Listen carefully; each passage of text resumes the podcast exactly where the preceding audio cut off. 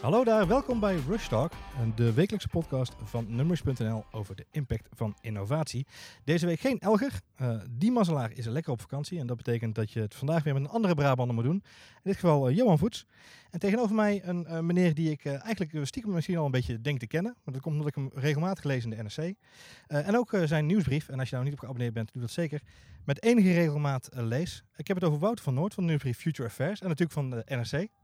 Hoi. Uh, welkom. Goedemiddag. Lekker in het zonnetje hier. Ja, het is hier lekker rustig hè? Heerlijk. Ja, het is, het is nu Pinksteren. Dus, uh, het is Pinksterweekend inderdaad. Wij zitten, uh, te, voor de mensen die de, wat later luisteren, we zenden op woensdag uit. Het is nu uh, maandagmiddag. We zitten op een uitgestorven mediapark. Ja, het is helemaal doodstil. Er is hier niemand. Dat is ook wel eens lekker. Ja, heerlijk. Hey, het is, ondanks dat het hier lekker rustig is, voor een hoop mensen deze week heel spannend. deze week namelijk, aan het eind van deze week, de deadline voor de AVG, of de GDPR. Kijk maar welk smaak je het beste vindt. Um, ik wil het daar met jou heel even over hebben. Met name omdat daar natuurlijk een heleboel ontwikkelingen rondom zijn. Uh, en, en, ik me een beetje afvragen is, heb jij het idee dat we in Nederland die deadline gaan halen? Nou, als je kijkt naar de uh, Nederlandse bedrijven, gaat dat voor een heel groot deel niet lukken. En zeker de wat kleinere bedrijven, daar, daar zijn we onderzoeken over gedaan. Richting 60, 70 procent die gewoon echt niet klaar is. En dan bovendien een groot tekort aan functionarissen die het überhaupt kan uitvoeren is. Dus ja, die, die deadline van uh, vrijdag, eh, dat uh, wordt nog spannend. Denk jij dan dat het te maken heeft met voornamelijk het feit dat kleinere bedrijven te weinig mankracht hebben? Of zit het hem in de complexiteit van, van het ja, het is, een, het, is, het is een enorm complexe wet met ook allerlei vereisten die weer verschillen van bedrijf tot bedrijf. En nou ja, alleen al het tekort aan die privacy-functionarissen die veel bedrijven moeten aanstellen, ja, dat geeft wel aan hoe lastig het überhaupt is om eraan te voldoen. En wat, wat, wat ik heel interessant daaraan vind, is dat die GDPR bedoeld is om waarschijnlijk ook een beetje de macht van de internetbedrijven uh, in te perken. Hier Google, Facebook, alle bedrijven die al onze data maar uh, oogsten. En dat het gevolg van die GDPR is dat juist die bedrijven een concurrentievoordeel hebben. Want die hebben enorme teams samengesteld. die hebben enorme investeringen gedaan in het voldoen aan de AVG. En dat kunnen veel kleine bedrijven niet doen. Dus de kleine concurrenten van Facebook en Google, die worden eigenlijk nu, eh, krijgen juist moeilijker dan, uh, dan makkelijker. Op, op, op, twee manieren zeg jij inderdaad, ja. ja. ja. En, en, denk je dan ook, want dat is eigenlijk de volgende stap, hè? want ik, ik denk namelijk dat het een optelsom is van twee zaken. Eén is, het Nederlandse bedrijf gaan het waarschijnlijk niet redden. Hoe zit het dan met de navolging van, van die, die invoering? Ja, dat is een grote vraag. Dan heb je nog de autoriteitspersoonsgegevens exact. die constant aangeven hoe zwaar onderbemand ze wel niet zijn. Uh, dat wordt ook nog een hele interessante vraag. Er, er, zijn wat, uh, wat uh, aanwijzingen dat de, dat de autoriteitspersoonsgegevens niet keihard gaat handhaven op kleine bedrijven. En zeker niet zelfstandigen die nog niet direct helemaal voldoen aan die wet. Maar ja, tegelijkertijd zegt Europa, er komt geen uitstel. En landen die lak zijn in de handhaving, die hebben straks een probleem. Dus ja, wel degelijk gaat deze wet gewoon op. En vanaf vrijdag moet iedereen eraan voldoen het is, een, het is een behoorlijk heftige stap die we met z'n allen moeten maken. En ik weet niet hoe jij het ervaren hebt. Uh, volgens mij ben je niet meer actief op Facebook. Uh, nee, ik ben gestopt met Facebook, ja. Maar ik heb nog wel WhatsApp. Dus exact, ik kan via die, achterdeur komen met Mark Zuckerberg nog steeds zien wat, met wie en uh, hoe laat ik precies praat. Je dus, komt er niet zo makkelijk vanaf inderdaad, nee. nee. Ik, ik vroeg me af, ik ben de afgelopen weken echt plat gebombardeerd met allerhande meldingen om mezelf opnieuw aan te melden voor dan wel nieuwsbrieven of het, het accepteren van nieuwe privacyvoorwaarden. Want er zijn natuurlijk een aantal dingen die veranderd zijn in die privacyvoorwaarden. Um, volgens mij, maar neem ik misschien een beetje een voorsprongetje op, uh, op, op wat jouw mening daarover is, maar volgens mij wordt er een heleboel vals gespeeld daarin. Uh, door bedrijven bedoel uh -huh. je? Nou ja, het, het, lastige is, die regels zijn door iedereen anders te interpreteren. Dus überhaupt de vraag of je uh, als bedrijf een mail moet sturen met de vraag, mag ik jou nog e-mail sturen?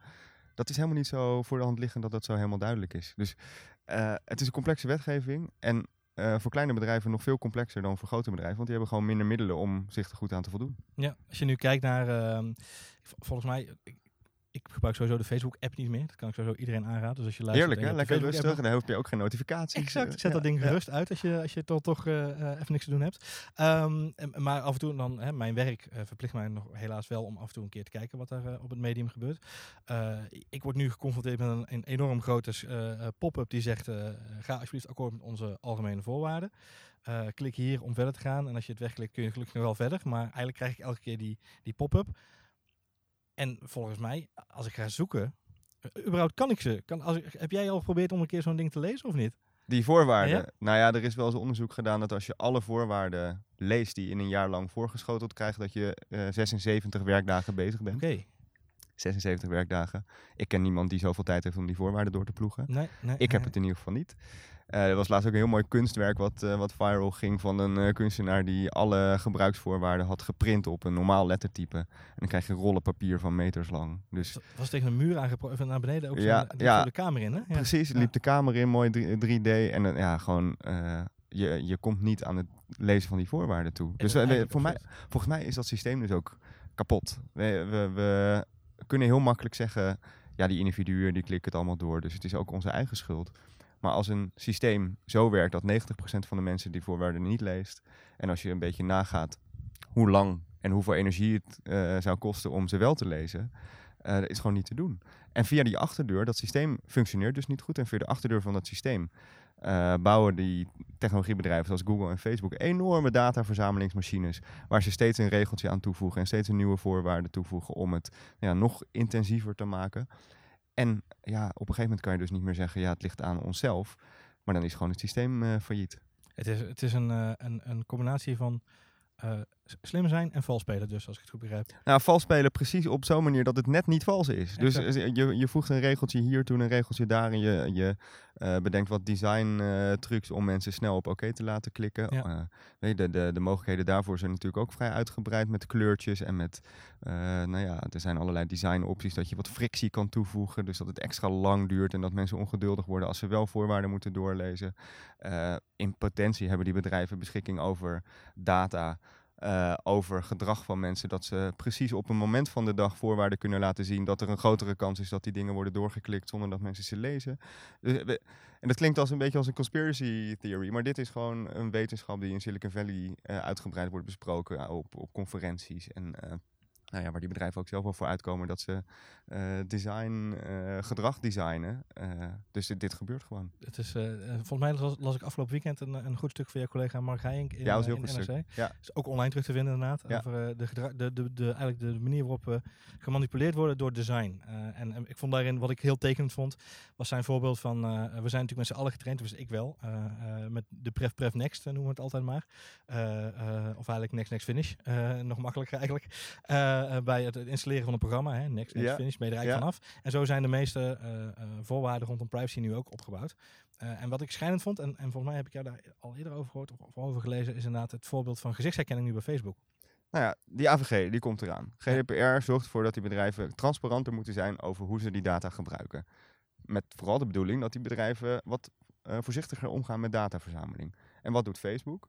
Facebook grijpt de invoering van de GDPR aan om gezichtsherkenning aan te zetten. Dat is wel een optie. Je kan inderdaad klikken op nee, maar alles in het ontwerp wijst op klik op oké. Dus via die achterdeur van de GDPR eh, gaat Facebook ook nog gezichtsdata verzamelen. Dat is heel belangrijk, toch? Want het is voor, mensen die met een verstandelijk verstandelijk, een, een, eh, een gezichtshandicap... eh, precies, nou ja. dat, dat was de, het voorwensel waaronder Facebook dit deed. Facebook zei, oké, eh, waarom willen we eigenlijk jouw gezicht herkennen? Dat is om jou te kunnen herkennen op foto's, zodat we jou, aan jou kunnen laten weten of je getagd bent. En eh, mensen met een visuele beperking kunnen we helpen met het herkennen van wie er op een foto staat. het, het- Dat is natuurlijk, ja, sorry hoor, Ja. maar dat is, dat, dat, dat is eh, op zijn best het halve verhaal. Want waar worden gezichtsdata nu ook heel veel voor gebruikt, is om mensen gewoon te herkennen. En wat doet Facebook, is op basis van allerlei eh, gegevens herkennen ze mensen en ze maken daarop advertenties op maat. Dus ja, je kan wel nagaan dat zelfs al staat het nu, misschien niet zo helder in de voorwaarden, het hele verdienmodel van Facebook draait om op maat gemaakte advertenties. Ja, dat is nogal wie dus dat ze dat op een gegeven moment waarschijnlijk ook willen gaan toepassen op die gezichtsherkenning. denk, je, denk je dat we als... eh, eh, ik, bedoel, je hebt, je hebt een boek geschreven over ons social media gebruik.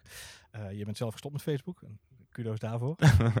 Met vallen, met vallen en opstaan hoor. Ik heb ook heel lang nog gehad dat als ik, eh, dan, dan deactiveer je je account. Ja? En dan elke keer als je bijvoorbeeld op Spotify of Airbnb inlogt en Facebook als sleuteltje gebruikt, dan staan al je vakantiefoto's en, eh, en berichten weer online. Dus het is een heel plakkerig medium. Ja. En dat laat ook maar weer eens zien hoe ver en diep die tentakels van Facebook in wel- ons internet zitten. Ja, dat is grappig dat je dat zegt, want dat is een van de dingen die ik me nog herinner. Want ik, het gaat vaker, waar ik heen wilde was inderdaad, zijn we als gebruiker intussen al wat slimmer geworden?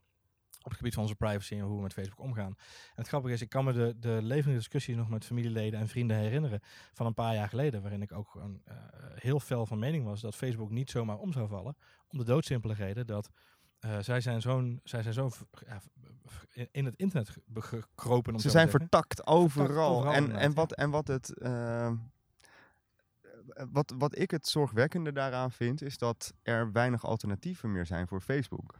Op een of andere rare manier uh, hebben alle mededingingsautoriteiten steeds de overnames van Facebook goedgekeurd.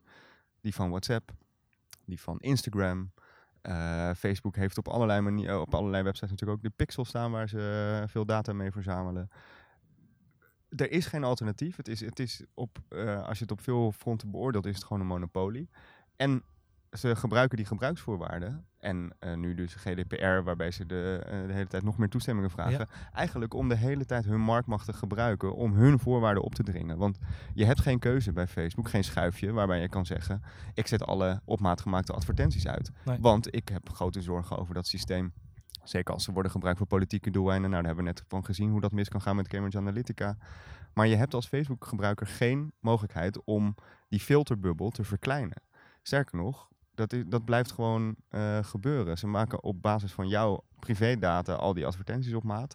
En als jij zegt dat wil ik niet, dan geven ze jou de keuze. Ah, oké, okay, dat mag, maar dan moet je wel stoppen met het gebruiken van Facebook.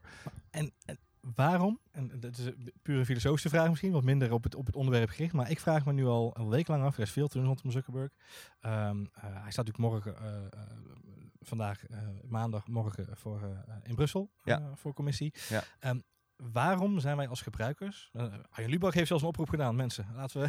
ja, dat was natuurlijk ook weer... Dat was, uh, denk een, uh, een grappig item. maar wel een druppel op het groeiende plaat. Als je kijkt naar hoeveel mensen uiteindelijk zijn gestopt. Dat waren er enkele tienduizenden.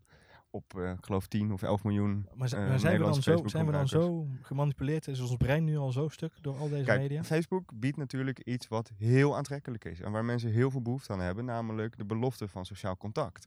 En dat doen ze ook nog eens op een hele slimme en handige manier. Ze bouwen apps die goed werken. Uh, ze bouwen uh, netwerken die super relevant zijn voor ons. Dus ze doen iets heel erg goed. Alleen ze maken ook gebruik van netwerkeffecten die concurrentie vrijwel onmogelijk maken.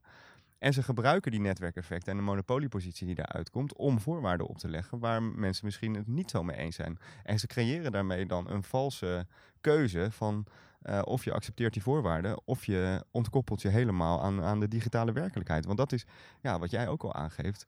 Je hebt gewoon soms Facebook nodig voor je werk. Ja.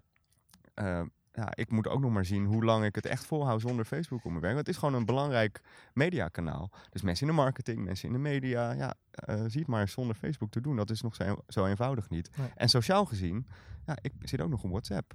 Ik kan, de, ja, ik kan wel in mijn eentje op Telegram gaan zitten. Uh, maar zolang daar niet een meerderheid van mijn vrienden zit, is die app waardeloos. De, de, de, de, de vertakkingen zijn nu mede. Het was een, mijn discussie in het verleden waren voornamelijk gericht op de Facebook API. Hè, wat toen ja. net eigenlijk opkwam. Ze waren de eerste Ja. die uh, zo'n zo'n extra laag, zo'n extra inlog aan gingen bieden ook. Hè, dat je overal kan inloggen met je Facebook account. En het was ook toen ook de eerste Facebook telefoon kwam toen op. Toen was het voornamelijk die Facebook API. Toen had ik het nog niet eens over die vertakkingen die ze natuurlijk nu hebben. Want ja, met WhatsApp en Instagram erbij. Uh, en de Pixel inderdaad hebben ze zoveel het, het, het, het, was ook al vanaf het begin de visie van Mark Zuckerberg om Facebook echt de toegangspoort tot internet te maken. Ja. En Facebook is er uitstekend in geslaagd. Mede omdat, denk ik, heel lang mededingingsautoriteiten, privacyautoriteiten of een beetje hebben liggen tukken, of niet helemaal bij machten waren om er echt iets aan te doen, niet helemaal door hadden wat er daadwerkelijk aan de hand was. Uh, wat misschien ook wel meespeelt is dat Facebook niet altijd eerlijk is geweest over zijn ambities. Dat heeft, uh, vorig jaar heeft Facebook nog een boete gekregen omdat Facebook tijdens de overname van WhatsApp beloofde dat ze geen datakoppelingen zouden doen. Terwijl ze ook toen al donders goed wisten dat ze dat waarschijnlijk wel gingen doen. Daar hebben ze gewoon 100 miljoen euro boete voor gekregen. Maar ja, wat is 100 miljoen euro voor een bedrijf dat in één kwartaal, wat is het, uh, 11 miljard Exact, dollar ja. omzet draait. Ja. Dus de, de, de middelen om dit soort monopolies met uh, uh, financiële waardes die groter zijn dan sommige staten. Met, nou ja, zeker, er is nog nooit in de wereld een uh, gemeenschap van 2,2 miljard mensen tegelijkertijd met één ding bezig geweest, behalve nu op Facebook. Dus dat, dat geeft wel iets aan van de schaal en hoe moeilijk het is voor overheden om daar goed paal en perk aan te stellen. En dus ook om voor onszelf goed in te schatten, hoe moeten we ons daartoe verhouden? Moeten we, kunnen we iets doen tegen die, die, die machtzame klontering van Facebook? En is er eigenlijk wel een goed alternatief? Dat, we hebben nog geen goed antwoord, denk ik. Als je, als je kijkt naar ehm, ehm, eh, de, de bredere, eh, even, even terug naar, naar waar we deze week mee bezig zijn. Dus privacy, eigenlijk privacybewaking van onszelf. Dat wordt nu vanuit hogerhand een beetje doorgeduwd, omdat ik denk Ja. dat de meeste mensen zich daar niet bewust van zijn hoeveel ze daadwerkelijk weggeven. Facebook heeft de, de Cambridge Analytica eh, eh, situatie met Facebook, eh, wat er de afgelopen maanden natuurlijk langzaam zeker ons afgevuurd is, heeft wel wat meer duidelijkheid gegeven. Heb jij nu het idee, als je nu de optelsom maakt, GDPR plus Facebook ophef, om het maar even in een hashtag samen te Mm. voegen, ehm, dat, dat er dan iets is veranderd is in de perceptie ja, van de gemiddelde ik- consumer, consument? Eh, Misschien nog niet in de eh, opvattingen van de gemiddelde consument, maar ik denk dat dat hele Cambridge Analytica-schandaal in ieder geval heel erg aan de oppervlakte heeft gebracht wat al een tijdje aan het broeien was. Het was in heel veel publieke discussies leek er ook een beetje de, de, was het gewoon een druppel die op een al hele volle emmer kwam. En in ieder geval zie je dat politici zijn wakker geworden. Nou ja, in, de, in het Amerikaanse congres viel het allemaal een beetje tegen en moest Zuckerberg eh, echt de, de meest basale dingen over Facebook eh, nog uitleggen. Ja. Uh, Europa lijkt iets verder te zijn in, in zijn denken hierover. GDPR is daar denk ik een goed voorbeeld van. Dat is echt uh, wereldwijd een unieke, unieke wetgeving die natuurlijk allerlei kinderziekten heeft. Maar in ieder geval wel vanuit de intentie komt om die datamacht van grote bedrijven wat, wat, wat in te perken. Uh, ik denk dat zo'n groot schandaal in ieder geval wat meer bijdra bijdraagt aan het publieke bewustzijn. En dat we er nog lang niet zijn. En kijk, ik denk dat we er nog lang niet zijn, omdat de meest fundamentele vraag, dat machtsonevenwicht, mm -hmm. het feit dat uh, we de, de, de vijf machtigste en rijkste bedrijven van op dit moment op de beurs zijn allemaal internetbedrijven. En we hebben daar gewoon geen goed antwoord op. We weten niet hoe we die macht moeten balanceren. Uh, we komen niet heel veel verder in de discussie dan of um, veel strengere privacywetten. Maar de echte vraag, bijvoorbeeld de, de moeilijke vraag, moeten we Facebook opknippen? Moeten we Google opknippen? Dat, die, die vraag hoor je eigenlijk alleen maar een beetje gesteld worden aan de, aan de fringes van de politieke discussie. Terwijl, nou ja, dit zijn de vragen waar zo'n nieuwe industriële revolutie, waar we middenin zitten, toch om, om, om, om, om vraagt. Dus, je, je ziet het echt als een nieuwe industriële revolutie in dit geval? Ja, ik denk dat, dat als je alles bij elkaar optelt, dat we wel in een tijd zitten die heel vergelijkbaar is met uh, de opkomst van de stoommachine of uh, nog eerder de drukpers. Echt wel fundamentele technologieën die ja. informatieverspreiding heel anders maken, maar veel fundamenteler uh, machtsverhoudingen tussen, tussen burgers, bedrijven en overheden op zijn kop zetten. En nou ja, dat zie je aan alle kanten. Ik was uh, de afgelopen jaren ook in, in Davos uh, op het World Economic Forum, waar alle wereldleiders en CEO's samenkomen. En daar zat op een gegeven moment de, de baas van het World Economic Forum, die zei tegen uh, Sergey Brin, ja, er zijn drie wereldmachten over. Amerika, China en Google. en daar lachte hij om, die Sergey Brin. Dus hij, als, in, in, die, in die echelons is best wel duidelijk hoe uh, de macht van die enorme internetbedrijven zich ja. aan het ontwikkelen is. Alleen nou ja, in, in de dagelijkse praktijk en in reële politieke oplossingen zie je daar nog niet heel veel van terug. Dat is wel waar. Ik denk wel dat we dan aan het begin staan van die, van die revolutie. Ik denk dat we heel lang gedacht hebben dat we er middenin zaten. Uh, dat er een hele grote revolutie al, al hè, dat, we een, dat, we, dat we nu misschien aan de rand zijn, als we aan het begin zijn van iets. Ja, mensen hebben altijd er een handje van om te denken dat de tijd waarin zij leven het meest revolutionair exact, is en ja. het meest spannend en de allergrootste snelle veranderingen. En als je een beetje een lange termijn perspectief hanteert, dan, dan is veel ook een beetje hype natuurlijk. Ja. En uh, dat is een heel mooi woord voor chronocentrisme. Dat dus de, de tijd waarin jij leeft het allerbelangrijkste is. Uh, dat moet je in, in acht nemen. Maar als je kijkt naar wat er nu aan het veranderen is, de, de omvang van die uh, techplatforms is echt ongeëvenaard. Er zijn nog nooit bedrijven geweest met zoveel geld, met zoveel gebruikers wereldwijd, zo internationaal. Uh, gebruik maken van een, een, een, een, grondstof met een heel andere eigenschap dan, dan tastbare grondstoffen, namelijk data. Uh, ja, digitaal ook vooral inderdaad, ja. ja. En, en we beginnen nu pas een beetje te zien wat, hoe dat de structuur van samenleving ook aan het veranderen is. Dat uh, die superstar firms, zoals de Googles en de Facebook, gewoon als je, als je het meet op de hele samenleving, uh, waarschijnlijk niet zo heel goed is voor kleinere bedrijven. Ja. Daar, daar stapelt het bewijs zich nu ook voor op. Dus ja, de hele, de hele balans in de economie verschuift. Uh, de rol van medewerkers verschuift. Digitalisering. En we, zijn, we beginnen nu een beetje in het begin te komen van die AI-revolutie. Nou ja, weet je wat dat allemaal wel niet gaat veroorzaken? En wat het interessante daarvan is, is dat AI, de grondstof daarvan is ook data. Dus de reuzen in data hebben een enorm concurrentievoordeel ja. in de potentiële nieuwe ontwrichtende technologie AI. En Nou goed, dat, dat is natuurlijk wat, wat ons eh, de komende jaren weer te wachten staat. Daar moet dan weer een aanvullend amendement voor komen voor, eh, voor de GDPR in dit geval. Daar moet er weer een aanvulling voor Nou ja, in, in die zin kan, zou je kunnen zeggen dat GDPR een beetje de eerste AI-wetgeving is die er is. Want het, in, in ieder geval reguleert het het verzamelen van data, wat de grondstof is voor kunstmatige intelligentie. Ja. De- de- Denk je dat de GDPR er ook gekomen is met name omdat die grote bedrijven zoveel macht en zoveel machtmisbruik hebben vertoond de afgelopen jaren? Of denk je dat het een, een andere doel heeft gehad? Ze hebben, eh, Europa heeft nooit zo specifiek de pijlen gericht op de datareuzen met de invoering van eh, eh, GDPR. Is ook de vraag of dat zou kunnen. Je kan niet zomaar, eh, zeker als het allemaal Amerikaanse bedrijven zijn, zou je niet zomaar wetgeving kunnen maken die puur alleen voor hun geldt. Nee. Eh, en dat is misschien ook wel een beetje het bijeffect wat je nu ziet met alle Nederlandse bedrijven die heel hard aan het worstelen zijn om te voldoen aan, aan GDPR. Er, is, er moet natuurlijk rechtsgelijkheid zijn. Alleen, die wetgeving is natuurlijk wel gekomen eh, op een moment dat de discussie over dat datagebruik door die datagiganten een hoogtepunt bereikt. En waarop ook allerlei eh, tekenen al waren van eh, zaken zoals Cambridge Analytica, grote privacy schendingen door bedrijven als Facebook, Google. Ehm, dus ik denk wel degelijk dat, dat er een, een verband is. Nou moet je ook wel, je ziet ook wel bij die bedrijven zelf een, een, een nieuw bewustzijn. Hè? Ehm, eh, de oprichter van Facebook, eh, Mark Zuckerberg, die eh, staat erom bekend dat hij een keertje in een mailuitwisseling eh, eh, een, een vriend eh, vertelde waarom. Hij, hij, hij begreep niet waarom al die mensen aan Harvard en die, de, de, de eerste gebruikers van Facebook hun foto's en, en video's en adressen aan hem Stonden afstonden. er niet bij. Hij kon er niet bij en noemde ze zelf dumb fucks. Ja. Domme sukkels. Ja. Sinds die tijd is er wel wat veranderd, heb ik de indruk bij eh, Facebook. Je ziet dat ze, eh, ze hebben naar eigen zeggen het eh, grootste multidisciplinaire team ooit samengesteld om GDPR in goede banen te leiden. Ze hebben veel meer privacy menus.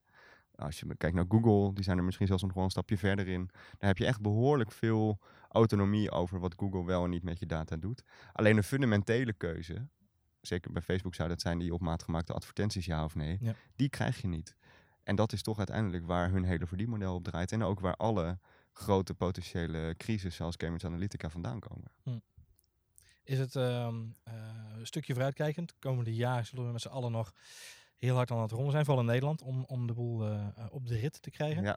Ehm, Nou, jij ook, met jouw bedrijf, toch? Ja, ook ja, iedereen in Nederland. Iedereen die met data bezig is. Elke website, elke publicatie. Ja. Eh, dus, dus iedereen is daar eh, eh, druk mee bezig. Ja. Verwacht jij nu ehm, eh, dat we over een jaar even eh vooruitkijken, dan terugkijken op deze periode en zeggen, nou, dat is een, een succesvolle lancering geweest. Want we hebben natuurlijk een hele flinke aanlooptijd gehad. Hè? Volgens mij 2016.